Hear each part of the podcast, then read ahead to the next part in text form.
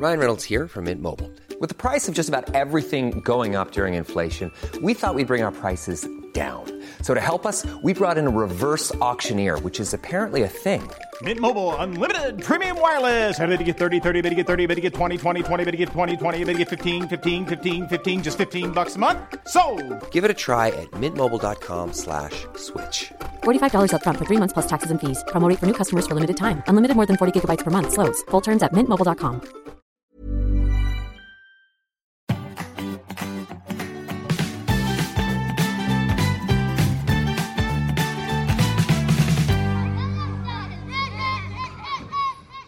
Fotball, håndball, basket, turn, korps, ballett, kanskje badminton og bordtennis. Lista er lang, og for noen er det alt på en gang. Vi skal snakke om fritidsaktiviteter i foreldrekoden i dag. Og for mange kan det bli i meste laget og nesten bare stress. Og Hedvig Montgomery, hvorfor blir noe som bare skal være gøy og sunt, et, ja, nettopp et stressmoment, da, og i verste fall et hverdagsmareritt for mange foreldre og i mange familier? Må det jo bare sies at det er mye logistikk i det å ha barn. Det er mange som skal være på riktig sted til riktig tid med riktig utstyr. Eh, Så jeg tenker nok at spesielt årene syv til tolv er eh, logistikktidens eh, høytid i familiene. Og det er ganske lett å bli frustrert over at det er så mange baller i luften og så mye å holde styr på. Eh, Og i våre dager så er også forventningen til foreldres medvirkning og årvåkenhet er veldig høy. Fra hvem da, egentlig? Fra de som organiserer aktivitetene. Eh, Så du, du har virkelig mye å henge fingrene i når du har barn i denne alderen. Og så må vi også huske på at aktivitetene er der jo for at de skal gi barna en større verden, at de skal gi dem en opplevelse av lek, mestring, tilfredshet. Eh, Men blir det for mye av dem, så hjelper det ikke at det i utgangspunktet er gøy. Blir det for mye, så blir det gråting og slitsomt. Hva er egentlig den perfekte balansen?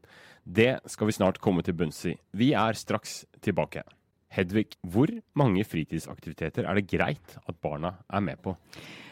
Det- Altså, det kommer jo an på alder, og det kommer også an på familien. Men for å ta det litt enkelt, siden du spør.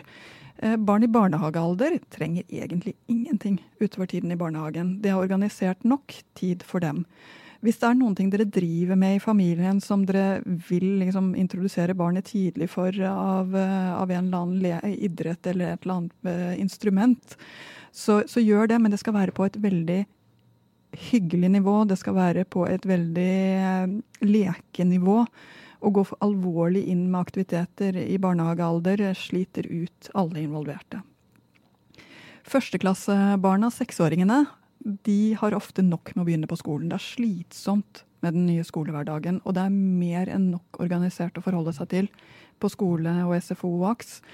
Så der tenker jeg også at eh, førsteklassingene må vi skjerme skikkelig. Absolutt maks én aktivitet. Gjerne ingen utover skole og, og SFO. Altså ikke noe fotball, ikke noe, noen ting? Nei, her skal det være lite. Eh, når de blir syv og begynner i andre klasse, så skal du begynne å introdusere dem for ting. Eh, og her tenker jeg at eh, to ettermiddager i uken er nok det som kan være fint å ha hvis dere har kapasitet til det i familien, sånn at de får prøvd på litt forskjellig. fordi det som er litt prosjektet med de første skoleårene, det er at barnet skal få finne sin passion, det de har lyst til å drive med, det de har lyst til å strekke seg innenfor. Så det er gjerne litt prøving og feiling de første skoleårene i andre, tredje og fjerde klasse. Hvor du har litt tid til å finne hvor er det mitt barn kommer til å finne seg rette, hvor er det han eller hun kommer til å ha lyst til å, å legge inn ekstra tid etter skolen. For å forfølge det litt, i hvilken alder er det man liksom skal sette inn støtet hvis det er man skal bestemme seg for idrett eh, ut fra ditt perspektiv? Det må ikke være idrett, da. Nei. Altså Ut fra mitt perspektiv så er det en gang slik at det er en gave for barn å få lov til å finne sin ting. Eh, og vi vil jo gjerne at det skal være noen ting som er eh, på et eller annet vis utviklende for dem. Eh, og vi vil jo gjerne at de ikke skal sitte inne hele tiden. Men vær klar over én ting. For det første, barn trenger mye hviletid. De trenger mye henge rundt-tid. De trenger mye tid med deg i familien. De trenger mye tid faktisk også foran TV og dataspill. Så målet med fritidsaktiviteter er ikke å fylle hvert eneste minutt i døgnet. Og det er det viktig å være klar over, fordi det gir oss bare stressa barn. Når skal vi finne ut hva de har lyst til? Vet du hva? veldig mye handler det om at de må få lov til å finne ut av det selv. Vi skal legge til rette for at de finner sin ting. Det er ikke vi som skal bestemme deres ting. Og etter hvert, når de kommer opp og er sånn 9-10-11 år, så vil det bli ganske tydelig hva de faktisk har lyst til å drive med, hva de har lyst til å øve på, hva de har lyst til å bruke ekstra tid på. Og da skal vi virkelig hjelpe dem med det. Legge til rette for, te, for det. Uh, sørge for at de har det de trenger for det. Være behjelpelige i det. Men det er deres beslutning, ikke vår. Men mottaksapparatet hos barn er jo ikke alltid sånn som vi tenker. Eh, altså, Noen vil jo bare sveipe videre og videre og videre, og videre, uh, mm. mens andre begynner, vil begynne med alt på en gang. Så hvordan skal man egentlig hjelpe til å avgrense, da, når det er litt sånn uklart hva de egentlig finner uh, interesse i? Mm. Jeg tenker at det er et voksenansvar å lage balanse i barnas liv. Og det vil si at dere må se på barnet deres. Hva orker, uh, hva orker han? Hvor mye kan hun egentlig gjøre utover skole og lekser? Og hvis dere ser at det hun klarer er omtrent normalen, nemlig at hun har to ettermiddager i uka, så må dere si hvordan vil du bruke de to ettermiddagene? Hva har du lyst til å gjøre dette semesteret? La dem ta et valg for dette halvåret. Det er overkommelig for dem. Eh, og la dem få lov til å ombestemme seg. Ja, men jeg tenker, altså Man kan jo ikke bare hoppe av det man ikke har lyst til her i livet, da. Alltid. Så bør man ikke lære seg at man må prøve å stå i det litt hvis man syns noe ble litt kjedelig, eller at ikke alt kan være like gøy hele tiden. Men altså, hvis f.eks. barn nå har begynt i korps, da. Uh, og så etter et halvt år sier at det er kjedelig. Prøv å finne ut hva det er for noe som er kjedelig. Kanskje har han ikke lært seg å lese noter. Da blir du hengende etter. Uh, da må du gjøre en liten innsats og hjelpe ham opp det nivået. Kanskje er det ikke gøy fordi han ikke får øvd nok. Fordi du ikke er flink nok til å gi mulighet til å øve. Da må du endre hvordan du hjelper barn innenfor dette her. Hvis barnet har begynt på fotball uh, og du, han sier at han vil slutte, og du drar dit og ser at han bare står med trøya over hodet på midtbanen og håper at ballen ikke skal komme mot ham, så har han sannsynligvis et poeng. Altså det er noe med mens hvis det er at du ser at han ikke får lov til å være med, og at treneren eh, favoriserer eh, andre barn, så trenger han kanskje litt hjelp for å komme inn i gruppa og få lov til å være ordentlig med. Så jeg tenker at når barna kommer og sier det er kjedelig, finn litt mer ut av hva det handler om, og hvordan du kan støtte om, om det, istedenfor å gjøre det til et moralsk spørsmål om at du kan ikke bare trekke deg. Hvor, hvor delaktig bør man som forelder være? Vel, jeg tror det er én ting det er viktig å huske på her. Foreldre er ofte elendige pedagoger for egne barn. Så å tenke at det er du som skal lære opp eh, barnet ditt til å få det perfekte håndballkastet, kommer du mest sannsynlig til å mislykkes. Hun kommer til å strekke seg mer etter det perfekte kastet hvis det er en annen trener enn akkurat deg.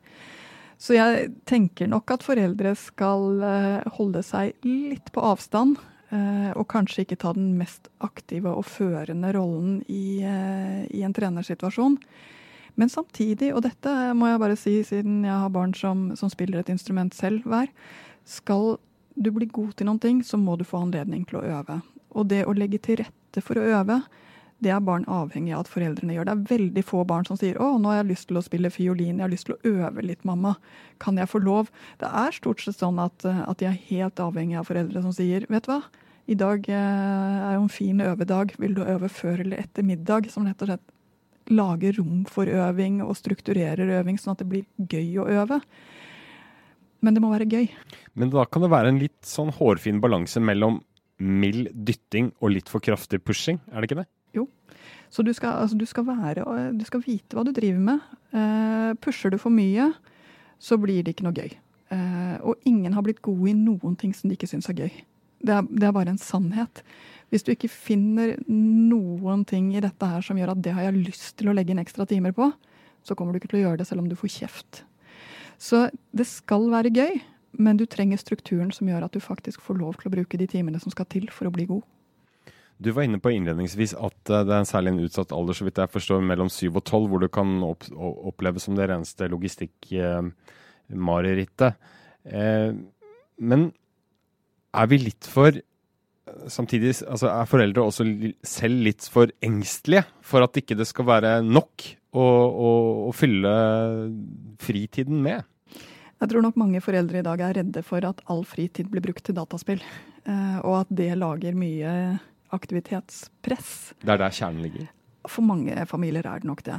Eh, jeg tror nok at vi der skal slappe litt mer av. Så lenge barna også driver med andre ting, så er dataspill i orden. Um, så om du skal være redd hvis ikke barnet Ja, det er litt vanskelig, fordi i disse, disse årene her, 7 12, så er det på mange måter da du kan introdusere nye ting for barnet. Barnet kan få prøve litt nye ting, finne ut hva han faktisk har lyst til å drive med. Og så vet jeg én ting. Du har også disse årene hvor, eh, hvor, barn får lov til å bli, føle at dette får jeg til. Det er det som gjør at de får lyst til å fortsette også inn i tenårene. Hvis de føler som 11-åringer at de ikke får det noe særlig til, så kommer de ikke til å være på det laget som 13-14-åringer. Så det skal jo en del øving til i løpet av disse barneskoleårene for at det faktisk skal bli gøy å drive med som tenåring. Og veldig mange opplever nettopp det, at når barna kommer opp i tenårene, så slutter de med absolutt alt. Mm. Da funker ikke press, da funker ikke kjeft. Da er det bare én ting som funker, og det er om de selv føler at dette er jeg god til, og dette har jeg lyst til å fortsette med. Så det er de årene du har, på, eh, du har mulighet til å legge inn for å få barna opp på et nivå hvor de kan finne glede av det kanskje livet ut. Da jeg var barn på 80-tallet, så mener jeg bestemt at ikke det var helt sånn som det er i dag. Eh, på mange områder i livet. Men eh, særlig dette med aktiviteter. For da var det to ting, for min del. da. Det var fotball om sommeren og bandy om vinteren. Og jeg tror at jeg fra ganske, jeg var ganske liten gikk eller sykla eh, til trening og kamper selv. Så kom eh, mor og far og så på kampene det er noe som har endra seg siden da? Altså, Nå er det ikke bare én aktivitet per halvår lenger? Nei da, altså det er mye som har endret seg siden 80-tallet. Og eh, på godt og på vondt. Jeg tror barn i dag føler seg mer koblet på familiene sine. Jeg tror de føler seg mer som del av familiene sine jevnt over. Og jeg tror også barn i dag får flere muligheter jevnt over enn det de fikk eh, på 80-tallet. Så mye fint som har skjedd. Men det problematiske er nok akkurat det du er inne på nå, at det blir litt lite rom for barna å kjenne at det er de som eier sin aktivitet. Det er litt lite rom for å kjenne at det er de som styrer. Uh, og det gjør at vi får det som jeg kaller for prosjektbarna. De som føler seg rett og slett så overstyrt at de mister piffen selv. Si litt mer om prosjektbarna. Hva preger de? Uh, hvis barn opplever at det er for mye som blir gjort for dem, og at det er for mye de gjør ut ifra andres ønsker, ikke ut ifra sin egen driv, så vil de til slutt tro at de ikke kan bedre. Og de vil miste mot motoren sin. Eh, og de vil også tro, og det er ganske interessant, at mamma og pappa er glad i meg pga. det jeg driver med. Ja. Ikke pga. den jeg er. Så jeg eh, må bare si at uansett hvor mye eller lite aktiviteter dere har hjemme, det betyr faktisk ikke så mye for lykkenivået. Det som betyr noe for lykkenivået i familien deres, det er hvordan du klarer å koble deg på barnet. Hvordan dere klarer å småprate sammen. Hvordan du hilser, og barna hilser når dere kommer hjem på hverandre. Den type ting lager lykke. Aktiviteter er bare ting vi gjør. Eh, altså, eh, igjen, da, for å trekke linjen til da jeg var liten, og det er vel litt sånn nå også, men da eh, vi spilte Vi lekte Boksen gård. Eh, vi spilte slåball, i hvert fall helt til en kar som het Morten, glapp balltreet rett i nesa på en jente som het Kristine. Jeg har en følelse at vi drev mye mer med uorganisert idrett. Eller er det bare jeg som har selektiv hukommelse? Det er klart du har litt selektiv hukommelse der. Men det er sant at når uh, det er den gode, gamle vitsen uh, med 'kjør forsiktig, barn leker', er nå blitt erstattet med 'kjør hvordan du vil'. Barna sitter inne og ser på iPaden allikevel. Eh, det er mye av barnas sosiale liv og lek er faktisk blitt flyttet over på digitale plattformer. De er sammen når de sitter inne. De trenger ikke gå ut for å treffe hverandre. Det er en realitet, det. Eh, de, de, kan spille de mest fantastiske eh, fantasispill og lage de mest utrolige musikkvideoer uten at de engang er i samme rom. Så barns mulighet til lek er jo blitt utvidet veldig mye, og er ikke bare på Løkka. Og akkurat det er sikkert noe mange vil kjenne seg igjen i. Vi skal snart fortsette fra studio, men først Dørene lukkes. Jeg må innrømme at en del av spørsmålene mine til Hedvig bygger på litt følelser og litt fornemmelser, ja, og litt fornuft, da. Men det er jo ikke feil å snuse på et annet ord på F. Forskning. Skal jeg ta det først? Ja. Jeg heter Susanne Nordbakke, jeg er forskningsleder eh, ved mm, Transportøkonomisk institutt. Hva eh, er det vi ser som de tydeligste utviklingstrekkene hva gjelder barns fritidsaktiviteter? Det vi ser det er at eh, fra 60- og 70-tallet så har det vært et stort skifte i barns fritidsliv mot mer organiserte aktiviteter og mindre fri lek utendørs. Det som vi har sett nå i en eh, senere undersøkelse, det er at denne trenden har fortsatt også uh, utover 2000-tallet. Andelen barn som leker ute hver dag, den har gått ned fra 52% i 2005 til 39% i 2014. Den siste utviklinga kan nok forklares både med, med intensiv foreldreskap og, og den teknologiske utviklinga. Intensivt foreldreskap betyr ifølge Nordbakke rett og slett at foreldrene tar større del i barnas fritid. De legger til rette, de kjører, de henter. De er opptatt av at barna skal få noe vettugt ut av fritidsaktiviteten. Og de ser på organiserte aktiviteter som er mer meningsfulle enn, meningsfulle enn eh, leke ute i gata. Da. Er det noen problematiske sider ved at den uorganiserte aktiviteten eh, er på vikende front? Ja, jeg har jo ikke noe grunnlag for å si noe om det, men eh, altså, det er jo tanker jeg gjør meg om det. Altså, det at de hele tida blir overvåka av voksne, da, på en måte. Og at, um, at de ikke kjeder seg lenger. At det, det, kanskje kan være sunt å kjede seg og må finne på ting på egen hånd. At ikke det er voksne som hele tida sier hva man skal gjøre. Er det sånn at vi får en oppvoksende generasjon som er, altså, som er veldig sånn standardisert, som ja, hvor, man, hvor individualiteten forsvinner litt. Jeg tenker da på Ylvis-brødrene også, som, eh, som, vokste opp i Afrika. Og vi vet jo hva, hva, de kan finne på. De er ikke standardisert, for å si det sånn. Mange foreldre ønsker jo så gjerne at barna skal føle mestring. Og gjerne at de skal bli skikkelig gode i noe, som Ylvis. Hvor tidlig er det greit at barna begynner å dyrke én aktivitet, med den hensikt å bli en ener.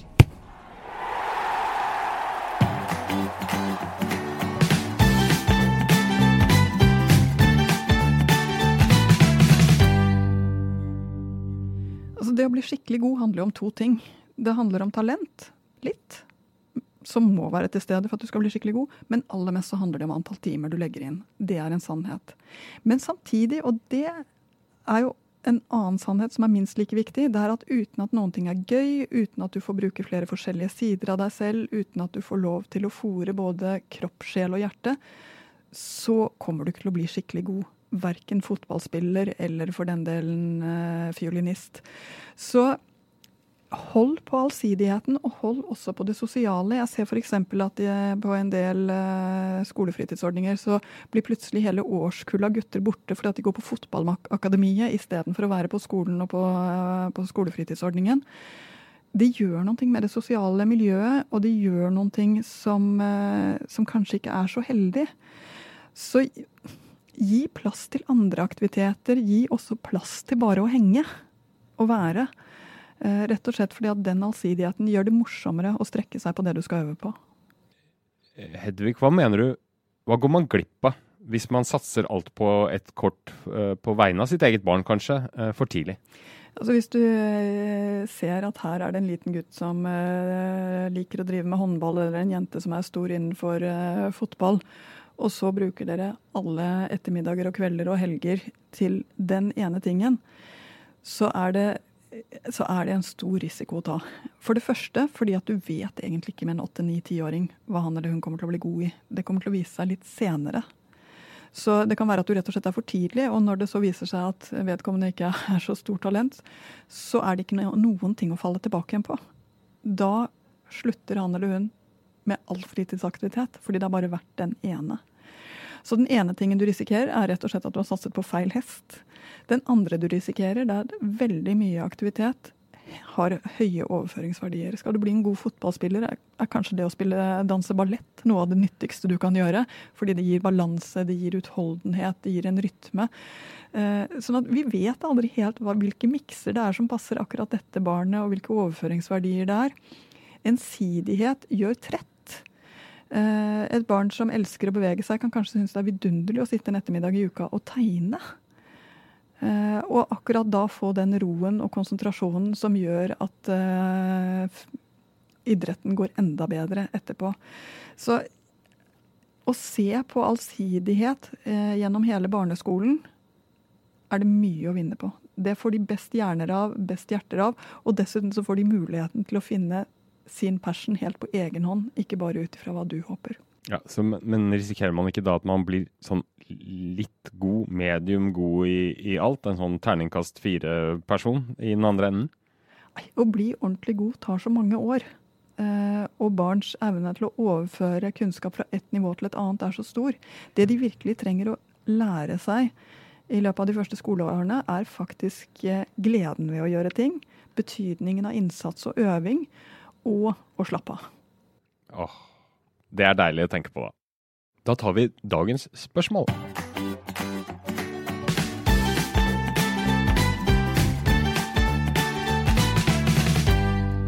Dagens spørsmål er fra en lytter som har stilt oss eh, spørsmål i Facebook-gruppa vår Foreldrekoden.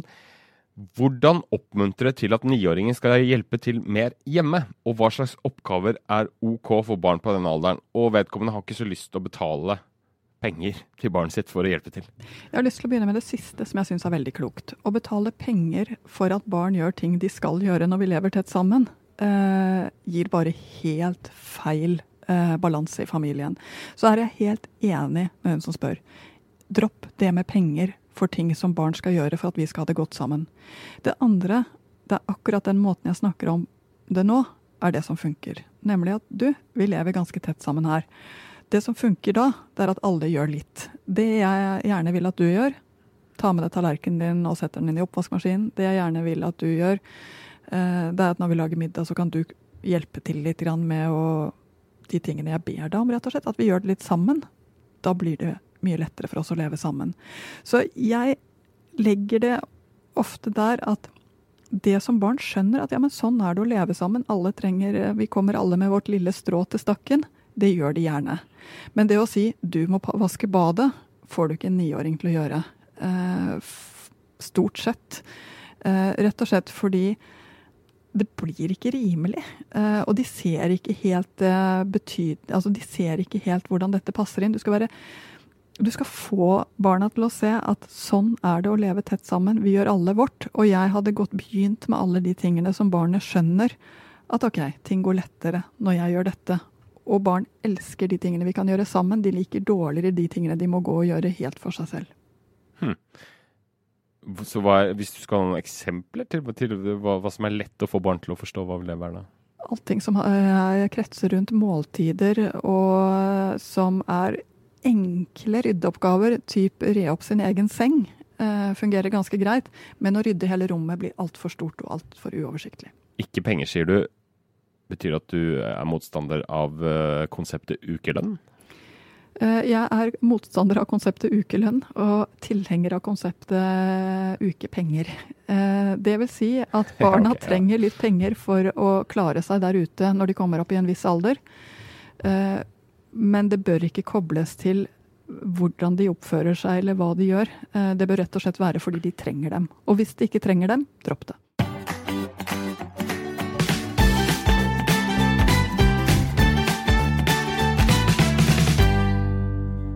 Hedvig, vi har snakka om fritidsaktiviteter i dag. Det er på tide å oppsummere og destillere oss ned til det aller, aller viktigste.